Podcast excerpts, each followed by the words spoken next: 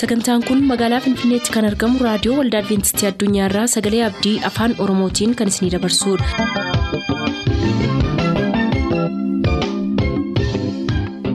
harka fuuni attam jirtu hordoftoota sagantaa keenyaa ayyaanniif nagaan waaqayyoo hunduma keessaniif haa baay'atu jechaa sagantaa keenyaarraa jalatti qabanne kan dhiyaannu sagantaa dargaggootaaf sagalee waaqayyoo ta'a dursa sagantaa dargaggootaatii nu hordofa.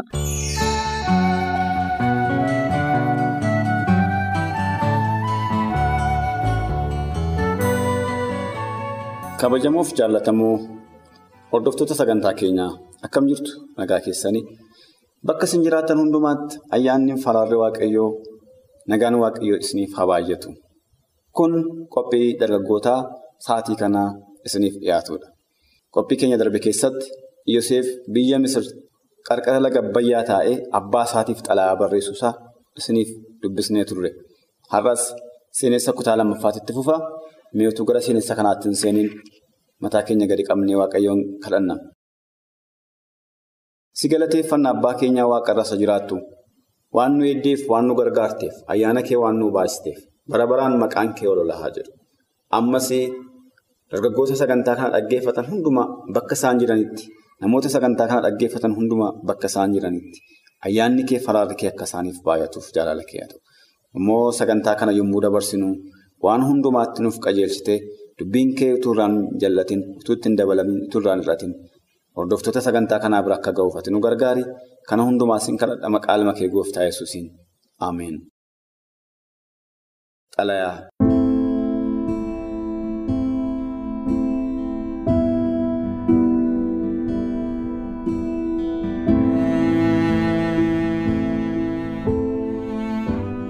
Kabajamaaf jaallatamaa abbaa koo yaa'ikoob akkam jirta? Xalayaan yeroo darbe siif barreesse sun si ga'eeraa yookiin si hin waan an beeku hin qabu? Ta'us xalayaa lammaffaa kana ammas siif barreesseen jira. Maaliifan akkan siif barreessu beekta? Akka nama qaamaan si wajjin haasa'u jireenyi koo waan boqonnaa argatuuf jedheetan siif barreessa. Akkamitti akkana waaqayyoon. isa biyya ormaa kana keessatti nagaatti na eeguudhaan ayyaana isaa anaaf baay'isee har'aan nagee akkan galateeffadhu hin beeku kana qofa miti waan si ajaa'ibu biyya ormaa kana keessatti waaqayyo ayyaana inni anaaf baay'iseen namtichi ani mana isaa taa'u sun kan garba godhee na bitate sun waan abjuudhaan illee iyyaanne bakka hin takkaa hin tilmaamne anaaf kennee jira waan an qabu hundumtinuu kallattii hundumaatiin. waaqa koo isa nafaana jiruun waan eebbifameef namtichis waan qabu hundumaa irratti hoogganaaf ajaajaa godhee ana muude baay'ee waan natti gammadeef qabeenya isaa hundumaa dabarsee anatti kenne. Furtuun maallaqa isaatii hundinuu kallattii hundumaatiin wanti inni anatti hin kennin tokkollee hin jiru. Akkuma ilma isaatti ana kunuunsa akkuma ilma isaattis ana jaallata. Hojii koo keessatti guyyaa guyyaatti namoota hedduu waliin. waanan walquunnamaa ooluuf hojiin koo baay'ee bal'aadha. Baasiif galii jiru anatu to'ata. Anatu ajaja. Barumsatti daa'imummaa kootti na barsiifte sun baay'ee na fayyadeera. Abbaa koo kun galaa guddaa ati ijoollummaa kootti anaaf naqxe wanta ta'eef guddaan si galateeffadha waaqayyo karaa kee ta'ee akkamittiin jiraachuu akkan qabu waan hundumaa daa'imummaa kootti na barsiiseera. Maatiif qabeenya. guddaa akkasii beekumsa malee hoogganuun bulchuun tasa hin danda'amu. Anis waan hojjedhu hundumaaf of qusannaa tokko malee akkuma gooftaadhaaf hojjedhutti hojjedha wanti ati tuqxu hundinuu eebbifamaadhaa anaan jedhu namoonni. Kun bu'aa eebba kee durii isatii daa'imummaa kootti na eebbifte sanaa jedheetan yaadadha. Kan si dhibu mootichillee eegati mana koo dhuftee qabeenyi koo hin dabale.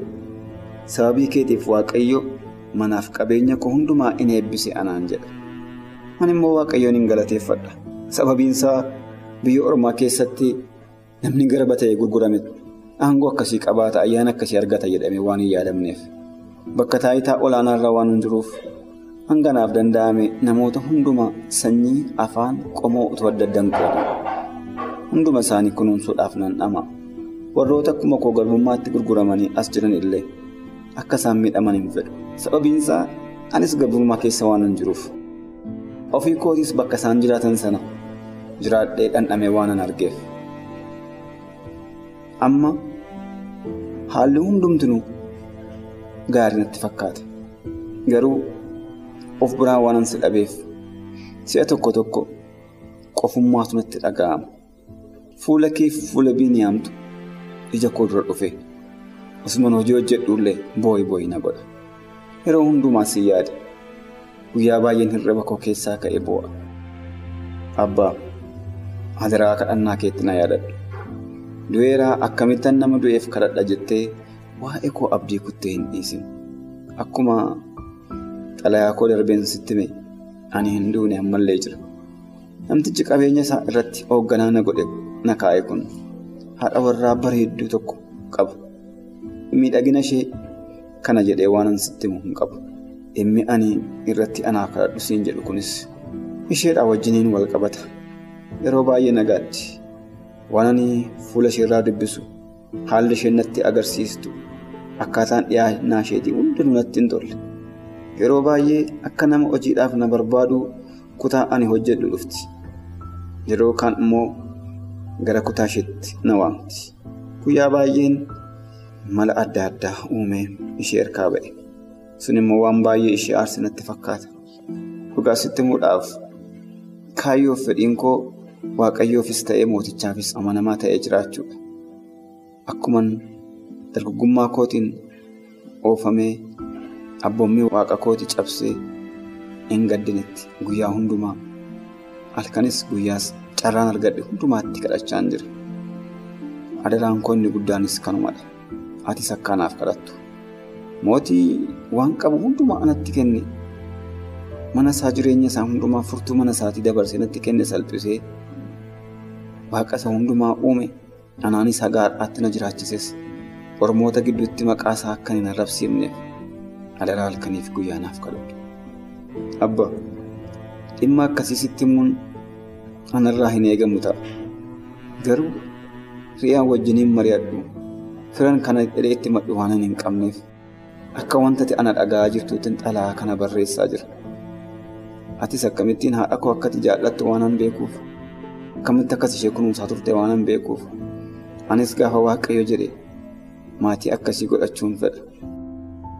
Hanga sanaatti immoo waan hin taane kan fuula waaqayyootti badaa ta'e kana hojjedhe ofii koo akkan hin xureessineef adaraa cimsiinaaf kadhadhu anis cimsee kadhachaan jira. Inni harkasaa isa amanamaa irratti na baatee qorumsa kana keessa akkana dabarsuuf yeroo hundumaa kadhannaa kooti. Akkuma yeroo darbe adaraa obboleessa koo Biniyaamiin naaf dubbisi. Kamiifiyyuu haalli namma keessa jiru akkasa yeroo kanaan dura gaarii natti hin fakkaatu. Waan ani irra ga'e xalayaa koo ittaanu keessatti siif barreessa. Biniyaamiin naaf dubbisi. Baay'een si jaalladha abbaa koo. Nagaan naaf turi. Yoseef ilma keerraa biyya Misir mana hidhaa keessa.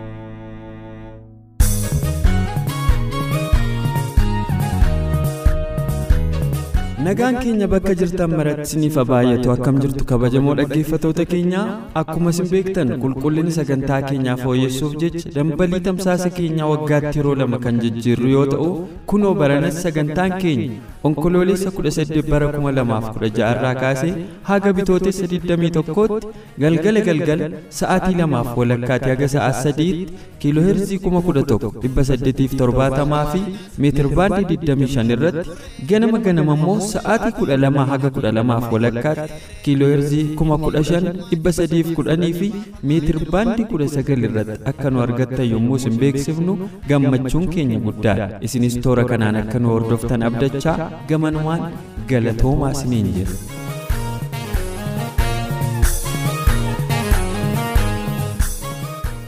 turtanii reediyoo keessan kan banatan kun raadiyoo adventistii addunyaa sagalee abdiiti kanatti aansee sagalee waaqayyootti isiniif dhiyaata nu waliin tura.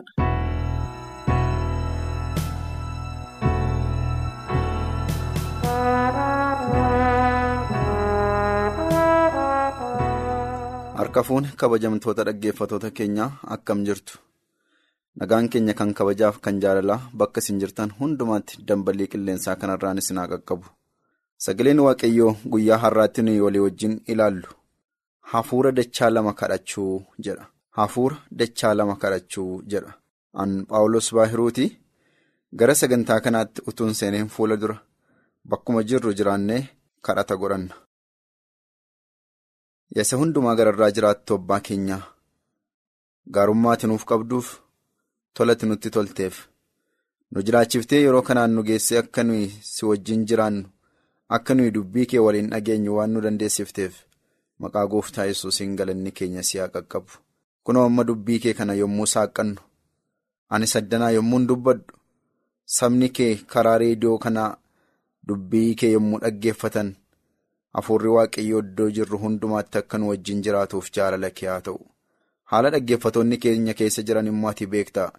Maqaa gooftaa yesuusiin warra hidhaman ittiin akka hiiktu, warra rakkatan akka gargaartu, warra yaaddaan yaaddoo isaanii keessaa akka baaftu, dubbii kanaan immoo fayyinni bara baraa akka argamu gochuun jaalala kee haa ta'u. Xumurattis galataaf nu qopheessi. Maqaa gooftaa keenya yesuusiin Ameen. Hafuura dachaa lama kadhachuu jedha. mata dureen keenya macaafa moototaa isa lammaffaa boqonnaa lama lakkoofsa sagalii hanga kudhaniitti kan jiru dubbifannee eegalla macaafa moototaa isa lammaffaa boqonnaa lama lakkoofsa sagaliif kudhan. Bishaanicha ergii ce'anii eliyaas elsaayiidhaan utuun si duraa hin fudhatamin wantan siif gochuu danda'u anatti himadhuu jedhe. Elsaa immoo deebisee adaraa. hafuura kee keessaa harka lama akkan argadhuuf anaaf godhii jedhe. Eliyaas immoo yommuun si duraa fudhatamu yoo na argite siif hin ta'a.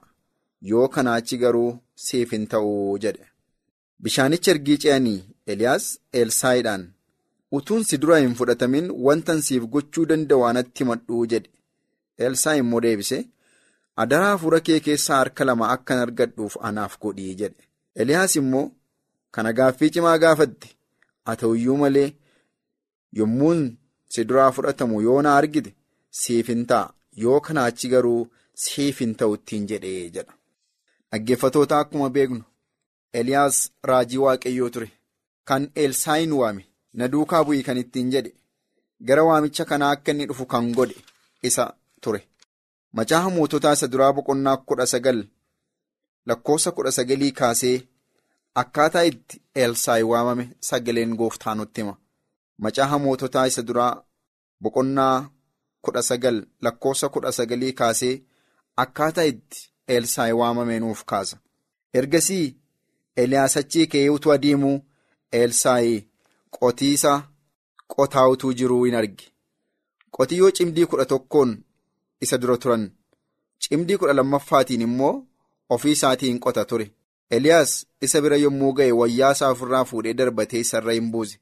Yommuu Elsaayi qotiyyoo isaa achitti dhiisee Eliyaas duukaa fiigee dhaqee abbaa koof haadha koo dhudhungadhee nagaatti dhaamee deebi'ee si duukaa akkan buufsin kadhadhaa jedhe. Eliyaas immoo deebiseefi ansin dhoowwu deebi'ii jedheen. Kanarratti Elsaayi isa biraa deebi'ee qotiyyoo cimdii tokko qalee foonichas mi'a qotiyyootiin affeelee namoota isaatiif hin kenne isaanis hin nyaatanii kana booddee Elsaayi ka'ee Eliyaas duukaa hin bu'e gargaartuu isaas hin ta'ee jedha. Dubbiin nuyi amma armaan olitti dhageenye kun akkaataa itti Elsaayi waamameedha. Waamamuu Elsaayiif sababa kan ta'e Eliyaas utuu karaa sanarra darbaa jiru wayyaa isaa ofirraa baasee gaafa inni Elsaayi irra buusu. Elsaayi isa duukaa bu'e.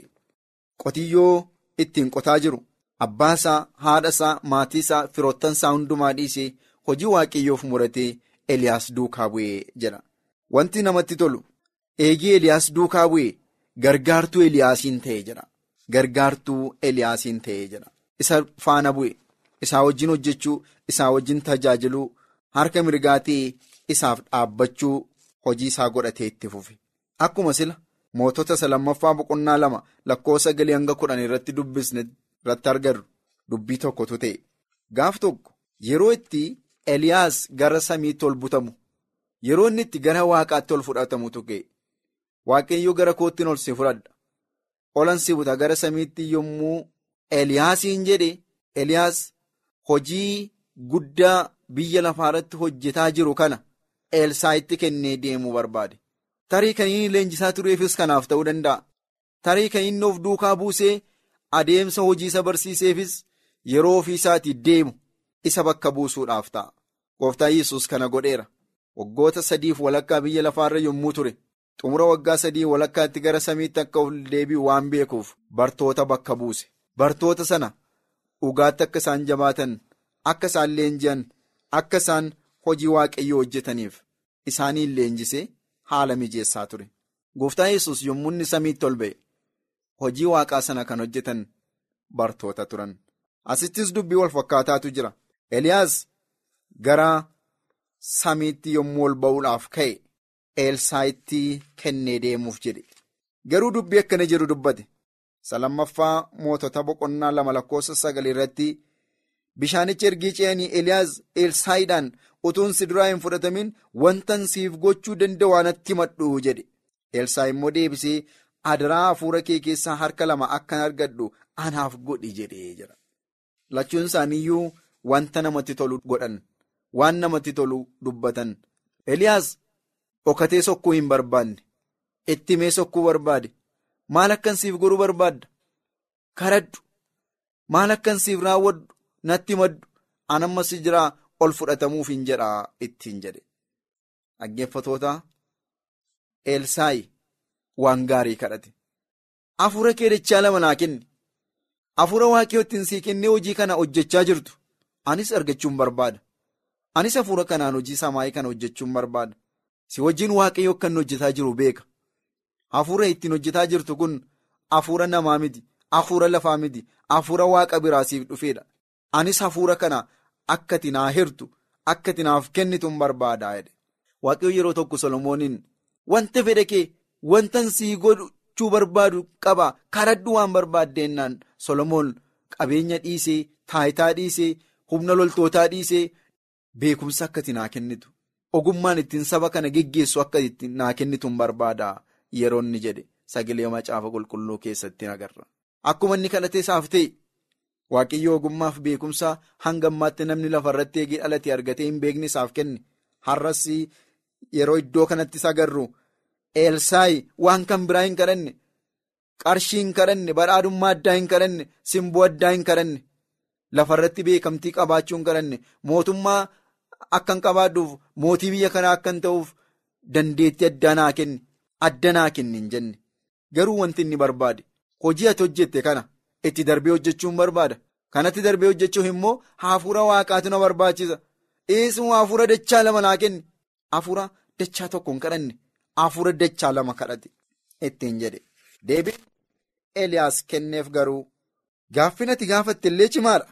Haa ta'u iyyuu malee yommuun si duraa fudhatamu yoo na argite siif hin ta'a. Yoo kanaa achi garuu siif hin ta'uu ittiin jedhe an amma si duraa nan fudhatama. Gaaffii kee kanaaf deebii ka barbaaddu yoo taate na hordofi. Narraa addaan hin bahin gaafa na si ol fudhatamu yoo na agarte yoo na hordofte yommuu na si ol fudhatamu yoo na ilaalte. yoo na bukkee jirta taate kun siif hin ta'a ittiin jedhame. Kanarraan kan ka'e elsaayi wanta gochuun isarra jiraatu gochuun dirqama isaa ta'a. Egaa taa'ee eliyaasiin dinqisiifachuu hin barbaanne elsaayi yommuu jireenya isaa ilaallu. Hojii hojjechuu akka inni barbaade daandii waaqayyoo karaa eliyaasiin jalqabe xumuruu daandii waaqayyoo karaa eliyaasiin baase itti fufii baasuu humna waaqayyoo biyya lafaa irratti karaa eliyaasiin mul'ise. itti fufee hojjetee mul'isuu barbaade. Dhaggeeffatoota elsaayi eebba dachaa sana argachuuf deemsa sadii akka inni deeme macaafni qulqulluun nutti hima. Calluma jedhamee hin argatamu eebbi calluma jedhamee gadi hin dhangala'u. Sabni waaqayyoo eebbifamuudhaaf waan gochuun isaa irra jiraatu jira. Eebbi habaarsi macaafa qulqulluu keenya keessatti caafamee jira.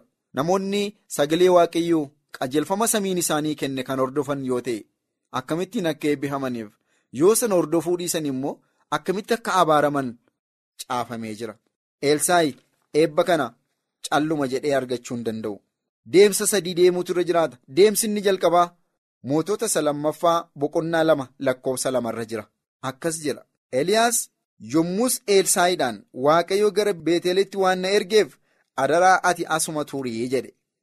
Elsaayi garuu deebisee dhugaa waaqayyo isa jiraataati du'a lubbuu keetiitis ansi biraa hin hafuu jedhe.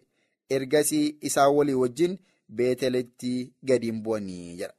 Deemsi inni jalqabaa deemsa Beetel ture. Eliyaas gara Beeteliin hin naqaa asuma turii na eegii ittiin jedhe. Elsaayi garuu akka inni jalaa fudhatamuuf jedhu akka inni jalaa sokkuudhaaf jedhu waan beekeef dhugaa isa jiraataati ansi biraa hin hafu. Gara ta deemtutti hin deema ittiin jedhe. Kana booddee wajjin adeeman. Saba Waaqayyoo Beetel bakka Abiraamitti eebba argateera. Waaqayyochi itti Abiraamiin eebbiseera. Bakka Yaaqoobis itti eebba argateera. Beetel. Beetel iddoo sagadaati. Iddoo manni Waaqayyoo itti ijaarame. Iddoo sabni Waaqayyoo itti Waaqayyoon galateeffataniidha. Har'as eebba hafuuraa argachuuf gara mana Waaqayyootti adeemuun dirqama keenya ta'a. Elsaayi jedhi kaadhaqi. Anoosumatti nafaa utuu ittiin jedheera ta'e wanti baay'een isaa hafa ture. Amma garuu ansi biraan hafu ansi duukaan deema kallattii ittiin adeemtu hundumaa ittiin adeema ittiin jechuu isaarraan kan ka'e gara beetelii wajjin naqee eebba dachaa lama daandii ittiin argatu mijeeffataa ture. Sababni isaa eebbi nama waaqayyoo jira waan ta'eef waaqayyoo nama isaatiif eebba qaba. Eebbi hamuudhaaf garuu deemsa deemuun nurra jiraatutu jira. Lafumaa kaanee. Eebba samaayii eegganna yoo inni kun samaayii keessatti gatii hin qabu. Inni lammaffaan deemsa gara Yeriikoodha. Achuma boqonnaa lama lakkoofsa afur irratti arganna. Eliyaas yommuu Elsaayiidhaan waaqayyoo gara Yeriikootti waan na ergeef adaraa tasuma turii jedhe. Inni garuu dhugaa waaqayyoos jiraataa du'a lubbuu keetiitti ansi biraa hin hafuu jedhe. Ergasii isaa walii wajjin gara Yeriikoo dhaqanii jedha. Gara Yeriikoottis nan deema Eliyaas jennaan ansi biraa hafuu ittiin jedhe. Yeriikoon akkuma beekamtu magaalaa guddoo Israa'el turte dura bakka waaqayyoo callisaa itti naannaa jedhee gimbiitti naannessiisee ijoollee waaqayyoo itti mo'ichaa argatan ture. Ijoolleen waaqayyoo bakka isaanitti humni waaqayyoo isaaniif ta'e ture. Deemsi inni sadaffaan Yordaanos ture. Boqonnaa lama lakkoofsa ja'a. Eliyaas yommus itti dabalee Elsaayiidhaan waaqayyoo gara Yordaanositti waan na ergeef adaraa tasuma turi jedhe. Inni immoo deebisee dhugaa waaqayyoos jiraataa du'a lubbuu keetiitti ansi biraa hin hafuu jedhe. Ergasii lachuun isaanii itti ufanii na deemanii jedha. Yordaanos dhaggeeffatoota galaanaa gara kakuutti yeroo galuu fi ishee xumuraarra jirtudha.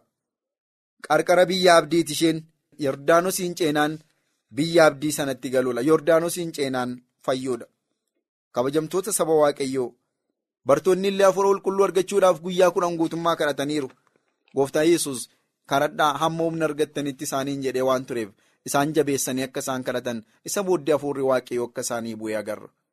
Har'as saba waaqayyoo akka dhuunfaattis akka saba waaqayyoottis hafuura dichaa lama argachuu yoo barbaanne xumura addunyaa kanaa kan ittiin xumuramu humna guutuu argachuu yoo barbaanne waan xiqqoo kadhachuurraa dachaa lama kadhachuu isa kadhanne argachuuf immoo deemsa adeemuu qabnu hundumaa adeemuutu nurra jiraata. Sagantaa keenya kan biraatiin deeminee hanga wal agarrutti. dubbii dhageenye kanatti akka jiraannuuf hafuurri waaqayyo hunduma keenya gargaaru nagaa gooftaan nuuf tura.